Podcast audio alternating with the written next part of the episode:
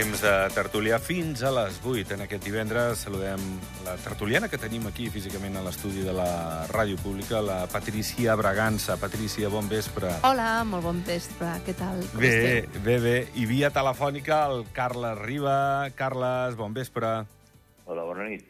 Bé, escolteu, eh, m'agradaria parlar de- d'aquesta situació de, dels pensionistes, perquè hem obert amb això. Bé, és una situació, eh, lògicament, doncs, que els amoïna, perquè en molts casos, i hem escoltat alguns dels exemples, en unes declaracions de, de persones que, que pateixen molt per arribar a final de mes. Eh, les pensions mínimes, en principi, està previst que s'apugin al 4,6%, però reclamen des dels pensionistes al Consell d'Administració de la CAS que, s'incrementi aquesta puja al 7%, eh, i que es tingui més en compte doncs, això, les dificultats que tenen els padrins per, per tirar endavant. Eh, Patrícia, no és només els padrins, és una situació constatable que potser són un, un sector molt vulnerable. És en general tota la ciutadania que pateix aquest eh, increment del cost de la vida i les dificultats de tenir un, un lloguer, no? Però, clar, quan parlem de padrins, la, la situació encara en molts casos s'agreuja, no?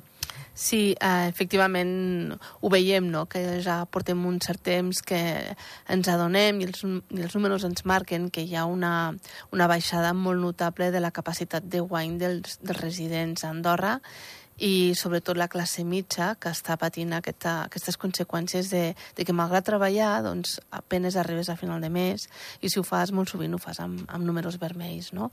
I, i això que, que és una, com una reducció no, de la capacitat de guany que tenim doncs si a sobre al moment d'arribar a la jubilació ens trobem que, que ja no, no podem treballar per qüestions físiques, mentals, etc., o per la propietat, a més a més tenim una reducció molt, molt gran de, de, del, dels ingressos amb els quals comptàvem fins a aquell moment, perquè passem a, a tenir un salari que, òbviament, supera el salari mínim, a, de cop, a trobar-nos amb una pensió de 500-600 euros, però que les despeses segueixen sent les mateixes, perquè l'habi- l'habitatge té una despesa, l'alimentació té una despesa, la llum, la, la informàtica, la tecnologia, etc. I, clar, són situacions que, que molt sovint es viuen amb molta angoixa, Uh, això fa que la gent s'adreci a afers socials eh, i, i, de, molts, i la, pràcticament el 90% ho fan amb, amb un símptoma de vergonya i de, de frustració, no? perquè malgrat haver tingut tota una vida, vida dedicada doncs, a aquest esforç, a tenir una economia, doncs, de, de cop t'arriba al moment de la jubilació i no tens un altre que anar a sol·licitar ajuts. No? Llavors, això, tot això comporta doncs, que, que sí, que el sistema de seguretat social, en parlem des de fa molt de temps, que s'hauria de, de millorar no? aquesta, aquesta situació de, de, de pensions, però és que, a més a més, amb la inflació que tenim en aquest país, òbviament que si ja era difícil abans, a l'entrada del nou any i amb l'increment de, peu, de preus, doncs encara més, més uh, pujarà, no? Eh, Carles, com, com veus la, la situació, especialment això pels nostres padrins? Bueno, doncs com tothom ho veu, no? És evident de que és una cosa que, que fa temps que dura i que hi ha molta gent que després d'haver treballat 30, 40, 50 anys pues guanya pues 700 o 800 o 500 o, bueno, depèn el que hagi cotitzat, no? I, bueno, és una pena perquè quan, quan més gran ets, més vulnerable ets amb tot, no? Més, eh, menys força tens, menys ànims, eh, la cosa, i trobar-te després d'haver treballat tota una vida pues, et quedi una pensió molt justa o insuficient per, per afrontar tots els gastos que hi ha dia a dia, pues, fa una mica de llàstima i de pena i és molt preocupant per la gent que s'hi troba, no? Llavors és evident de que, que això, que hi ha tantes coses que s'han d'arreglar que no sé si serem capaços de fer-ho entre tots, però eh, també és cert que hi ha gent aquí a Andorra mateix pues, que, té, que cobra molt, molt, moltíssims diners que sí, que de l'època que es co- compraven punts i que van pagar diners i que el que vulguis, però hi ha també eh, pensions mm, de 4, 5, 6 mil, 7 mil que tampoc potser caldria, no? No sé, és difícil perquè la, la persona que rep aquests diners pues, haurà dit que dirà que ha pagat o que en el seu moment ja no solament que tingués un bon salari, sinó que a més a més pues, l'època que tots coneixíem i coneixem de, bueno, coneixíem de la compra aquesta de punts de la casa. Llavors jo crec que ni tant ni tampoc, és a dir, hi ha gent que, que té 4, 500, 600 euros, 700, i, i gent que té pues, 4, 5, 6.000. No sé, s'hauria d'arribar a un ajustament total, però que és difícil, perquè dic, cadascú es vol el seu, i tothom tot dirà que és el que han cotitzat i el que s'ha pagat. Però és cert de que, de que les, sobretot les pensions més petites són molt insuficients per, per la gent quan es jubila i ho passen realment malament i com deia la Patrícia, pues, has d'anar acabant d'anar cap a afers socials i, i amb ajudes i, bueno, i tothom pues, bueno, hasta passa una mica de vergonya o li sap greu que després d'haver treballat tota la vida pues, tinguis d'acudir i encara gràcies que, que també et donen aquestes ajudes, no? Però total, que és una cosa bastant desagradable i que seria molt bo per part de tots de poder-ho arribar a arreglar alguna vegada. Patricia, em sembla que tens sí. també una comparativa, no?, amb sí, sobre un país com el tipus Portugal, de punt, no? Sí, sobre el tipus de, de punt d'aquest augment, eh, bueno, és una situació que no, no és única a Andorra. Evidentment, aquesta inflació està afectant moltíssim, sobretot la zona europea i Sud-amèrica, també. Eh? Parlem d'una inflació fa poc argentina d'una barbaritat. 100 i per cent, sí, sí, sí, un percentatge realment escandalós. Però aquí, per exemple, fent una comparativa amb el sistema de seguretat social de Portugal, que molta gent també ha treballat en diversos països i, per tant, eh, tenint en compte que hi ha aquest acord amb, amb Espanya, França i Portugal, doncs es pot eh, tenir en compte tot el període treballat i també rebre una part d'aquesta vida laboral per part d'aquest lloc on s'ha treballat, no? Portugal. En aquest cas, doncs, doncs Portugal ens acaba d'enviar de, un comunicat als, als portuguesos eh, que estan a la Seguretat Social indicant doncs, els, els tipus. I, per exemple, les pensions que pugen fins a 1.018, que és el salari mínim a Portugal, doncs aquestes tenen un, un increment d'un 6%. Les pensions que estan entre 1.000 i 3.055, aquestes tenen un increment de 5,65% per aquest any. I totes aquelles que superen els 3.000 euros, amb el topall de 6.000 euros, tenen un increment del 5%. Eh? Uh -huh. Estem parlant també de pensions elevades, com apuntava abans, que, que aquí hi ha poques, eh? perquè hi ha, hi ha un topall dintre de la Seguretat Social del màxim que es pot cobrar com a pensionista. 7.000 són? No recordo ben bé, però uh -huh. sí, gira sobre els 5.000. I, I aquesta situació també es dona, però tot i així hi ha un increment que és superior al que hem fixat aquí a Andorra, que és un 6% per les per l'increment de les pensions de, de jubilació pels jubilats de Seguretat Social. Jo crec que és, és un tipus important a apuntar perquè crec que és la tònica també europea.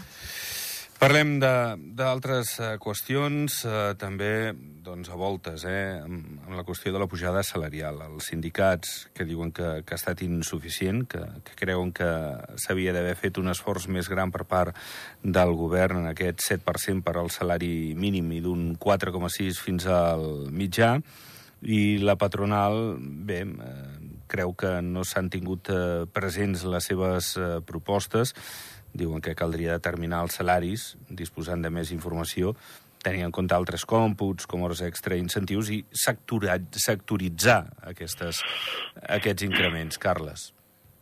Bueno, al final eh, sempre hi ha eh, estira i ronça no? entre sindicats, les, les empreses i, i els treballadors que estan al mig són els que es paguen els plats trencats no? al final però és evident de que mm, pels treballadors el nivell de vida que ara hi ha a Andorra i la que hi ha, pues, eh, tot i que es pugi el que es pugi, eh, sempre és, eh, és poc, perquè puja molt més, encara que pugessin un 4, un 5, un 6, no sé el que volen, com acabarà el tema, però la vida, i aquests últims anys ha passat, ha pujat molt més, eh, tant a l'habitatge, com la compra diària, com tot, tota la sèrie de serveis que, que, que tens, ha pujat molt més. Llavors, pugen, per dir alguna cosa, 50 euros i tu cada mes eh, te'n pugen, bueno, 200, per dir alguna cosa, no? La vida.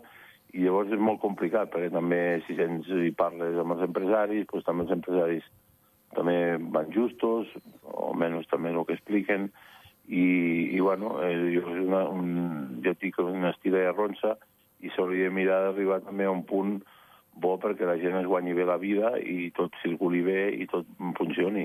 El que passa és que és, és evident que és difícil, no solament a Andorra, sinó a Europa i al món en general. Però bueno, jo crec que tal tot hem de mirar d'arribar amb aquest acord i, i que la gent es pugui guanyar molt millor la vida. Sí, sí, e, efectivament, tot, totalment d'acord amb tots els comentaris. És una situació de, de lo que dèiem, no? la disminució del poder d'adquisició. Però és que si ens fixem també en aquesta franja salarial, doncs eh, hem de, hem, ha d'haver-hi graduacions. Evidentment, no pot eh, suposar eh, igual incrementar un 5% una persona que guanyi un salari superior a 6.000 euros que, que una persona que tingui un salari que apenes està en la primera de les franges, que és poc més superior al, als 1.300 euros, no? Vull dir, la conseqüència és diferent. Però també hem de, hem de fixar-nos que, que l'economia és, és cíclica. En aquest sentit, si nosaltres, els assalariats, eh, hi ha una, una baixada significativa del poder d'adquisició, evidentment buscaran alternatives per la compra. No vindran a comprar el país, vindran, faran una recerca perquè, perquè no tenen prou diner per venir a comprar, per comprar la compra eh, a Andorra. Llavors, veiem, lo, doncs ens, ens adonem que la conseqüència és aquesta, que van a comprar altres mercats que ho tenen més barat. Doncs, per exemple, a la Seu van a comprar grans, altres cadenes eh, que ho tenen més, més, més bon preu i ja no, fa, no compren un producte internament dintre del Principat d'Andorra. I, i, I fins i tot la compra online pot sortir més, més, ba, més, més barata que no pas la, la, la d'anar a comprar la física, a la sí. físicament al, a la botiga del costat. Clar, això dintre del cercle d'economia de l'empresari es nota, perquè només a, a, aquell client fidel del país l'està perdent i això, doncs, òbviament, té una conseqüència econòmica. Parlaves... Quines són les mesures? Digues, digues. Poden haver-hi moltes mesures, algunes inventives que poden venir del, del propi sector privat, com per exemple, no diré noms per no fer spoilers ni, ni publicitats a, a, cap, a, a, cap, a, a cap comerç, però és veritat que, que estem veient doncs, targetes amb descomptes, targetes amb descomptes per franges um, de, de persones com jubilades o menors que po poden accedir al mercat, però de productes primaris, com l'alimentació, com les sabates, com... i d'una forma doncs, per, que, per continuar captant el client i mantenir-lo al país, perquè ara mateix l'economia és molt global. Jo em puc comprar les Nikes a, a, per exemple, a Holanda i que em surtin més barates que anar-les a comprar un, a la botiga del costat de casa meva. Vull dir, això és una realitat. Eh, parlant de la seu d'Urgell, de, dels hàbits que cada vegada tenen més andorrans de, de baixar a la seu, en aquest cas per fer les compres, també per viure. Eh, Carles, eh, la seu d'Urgell és un dels 140 municipis de Catalunya on hi haurà un topall de, de l'increment de preu de, dels lloguers. Eh, tenim una dada, de fet, eh, l'escalada de preus ha situat el preu mitjà del lloguer en 500 euros, quan el 2017 era de 383. Bé, s'encareix la vida, d'acord, però en el cas de la Seu eh, té molt a veure que els andorrans han d'anar a viure a la Seu, a poblacions properes, perquè aquí no es pot fer front a, a un lloguer, eh, Carles. Bueno, és un altre tema que també està sobre la taula i que és, està de moda, és a dir, la gent que no pot arribar aquí a pagar-se el seu, el seu habitatge, doncs, evidentment, marxa a la Seu o a l'Urgell, és a dir, ja no solament a la Seu, sinó tirar al cantó doncs, també cap a Santís o cap a Organyà o Oliana, hi ha molta gent, i cap a l'altra banda també, no? encara que la Cerdanya doncs, també potser és una mica més car de la Seu, no? o que era l'Urgell. Llavors, clar, la gent s'ha de buscar la vida perquè si no arriba a final de mes, pues, pues haurà de viure igual i haurà de menjar i llavors pues, tota aquesta gent pues, se'n van cap a, cap a aquestes, uh, aquestes uh, localitats aquí veïnes nostres i és el que està passant uh, aquests últims anys i cada vegada més. I si això segueix igual, pues, suposo que la gent pues, continuarà marxant. I és una llàstima que, que no siguem capaços d'intentar pues, la gent, i, i marxa molta, molta gent que, que fa anys que està aquí, eh, que han sigut, que són residents o inclús andorrans de, de, de tota la vida, que ja no els hi arriba eh, perquè bueno, han perdut la feina o si no han perdut eh, tenen una feina que, que pues, guanyen 1.300, 1.400 euros, 1.500 i és el que has de pagar de lloguer. Llavors, bueno, ara a sobre, pues, eh, com deies tu, Jordi, eh, la Seu d'Urgell és una d'aquestes 140 poblacions que també tindrà aquest topall, pues, que també ajudarà pues, a que, pues, que no s'acabi disparatant i que, que aquests 370 euros que han passat als 500 i pico pues, que, que, que es mantingui mantingui amb un preu com està ara, no? I el diferencial amb Andorra sigui gran, i llavors, pues, bueno, mm, haurem de buscar també més solucions aquí a Andorra, que no és fàcil, eh, tot plegat, perquè al final, eh, jo amb el tema de l'habitatge, també no sé ben bé com es pot arribar a fer, a part de les ajudes, que també hi ha moltes ajudes, perquè aquí Andorra al final, eh, que també és un tema que jo penso que pot ser menys ajudes i que la, la gent es pugui guanyar més bé la vida perquè no, no cal que tinguem després ajudes. Però, però no sé, eh, hi ha diversos temes que aquest de l'habitatge jo sempre ho he explicat a vegades aquí, passa que serà difícil de fer, no? d'arribar també a, a fer un programa de dir el que es pot mm, cobrar a Andorra Vella o Escaldes, o que es pot cobrar a Canillo, en Camp, es pot cobrar per metre quadrat que hi un barem, si també és una, un edifici que és de nou o, o té més anys o menys anys, o depèn on està situat, no? però intentar que, que regular-ho d'alguna manera, però també tampoc serà fàcil, segur. Mm, Patricia, alguna cosa d'això? Només un petit apunt. Eh? Jo, tots aquesta, tota aquesta problemàtica, perdó, capacitat de guany, eh, problema de l'habitatge, eh, deslocalització dels nostres treballadors, tot això, jo, jo li dic, eh, estem en plena crisi de la mà d'obra d'Andorra.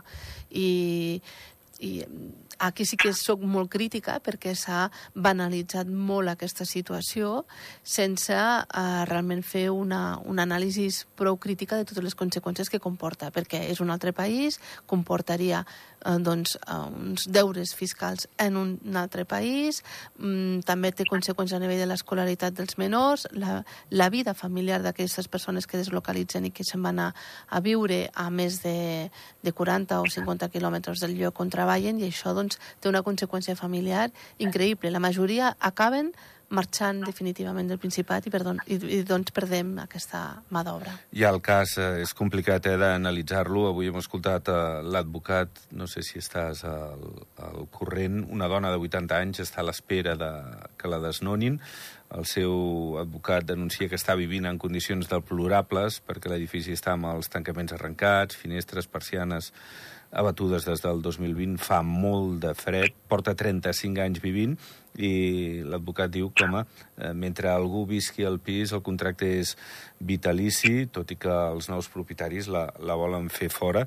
Veurem el, el recorregut que té això, però, bueno, aquests casos la veritat és que són molt mm. tristos i mm. veurem si, si la dona se'n surt. No sé si voleu comentar molt breument alguna cosa, Carles, d'això.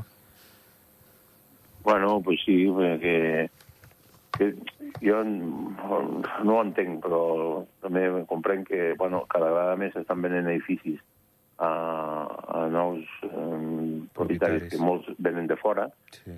i com ucranians, com anglesos, com americans, bueno, és igual de on sigui, i, i bueno, aquesta gent pues, va anar per feina, no? Volen treure tothom, i tornar a fer, si s'ha de reparar les coses que s'hagin de reparar o arreglar una mica i llogar-ho pues, tres vegades quatre més, més, més car. Llavors, clar, gent que porta, pues, com aquesta dona, 35 anys allà i que tens 80 anys, pues, la veritat és molt, molt trist de que haguis d'acabar els últims dies de la teva vida eh, pues, que et desdoni, desdonant-te i que, que, no sé, que és molt, molt, molt, molt, molt difícil d'explicar, però que és molt trist, per d'una altra banda. Molt bé. Uh, ben resumit, em sembla a mi, no? Patrícia, mm, molt breu. És així, és correcte. I a més se'n fa apologia d'aquest rendiment econòmic que, que està tenint l'immobiliari en el nostre país i a més a més es deshumanitza completament la, la persona que està en una situació de precarietat. I és molt greu. Volia acabar, perquè se'ns esgota el temps, parlant de la depressió. Demà és el Dia Mundial contra la malaltia venim de la pandèmia, abans ja hi havia moltes persones que tenien la malaltia, però des de la pandèmia això s'ha incrementat exponencialment. Compte que, que va de debò, eh? Mm. Sí, va de bo i, i tenim aquesta mancança en salut mental. Tenim una, una mancança molt greu que cada vegada afecta més a, a la població i que, i, i que el fet de, de no reparar-la i de no posar-li un tractament terapèutic o farmacològic que sigui necessari en el moment en què es comencen a tenir els primers símptomes, doncs això fa que agreugi encara més la situació de la persona. I, i la veritat és que jo demano i, i, i crec que, que realment és necessari que hi hagi un centre per, per tractar i, i, i fer un seguiment acurat. Som poca població en, en aquest sentit, som apenes, ara han dit, uns 80.000 84, 84 sí. habitants. Vull dir, mm, els percentatges de la, de, de la incidència que pot tenir la població estan més que calculats a nivell de l'OMS, per tant hem de fer uns, uns càlculs i posar fil a l'agulla per tenir un centre. Carles, 20 segons. Bueno, pues sí, és una malaltia del segle XXI i és una malaltia que no és com si t'has trencat una cama, una depressió és molt fotuda i el que pateix pues, té moltes conseqüències i la veritat eh, bueno, que també hem de fer el màxim perquè després, com ben, ben dit tu, Jordi, després de la pandèmia, això s'ha agreujat moltíssim més. Hem... Llavors, un problema gran. Ho hem de deixar aquí. Gràcies, Carles. Una abraçada. Gràcies a vosaltres. Bona nit. Gràcies també a tu. Gràcies. Pleguem veles. El cap de setmana continua la informació aquí a la Ràdio Pública. Nosaltres tornem dilluns. Que vagi molt bé. Adéu-siau.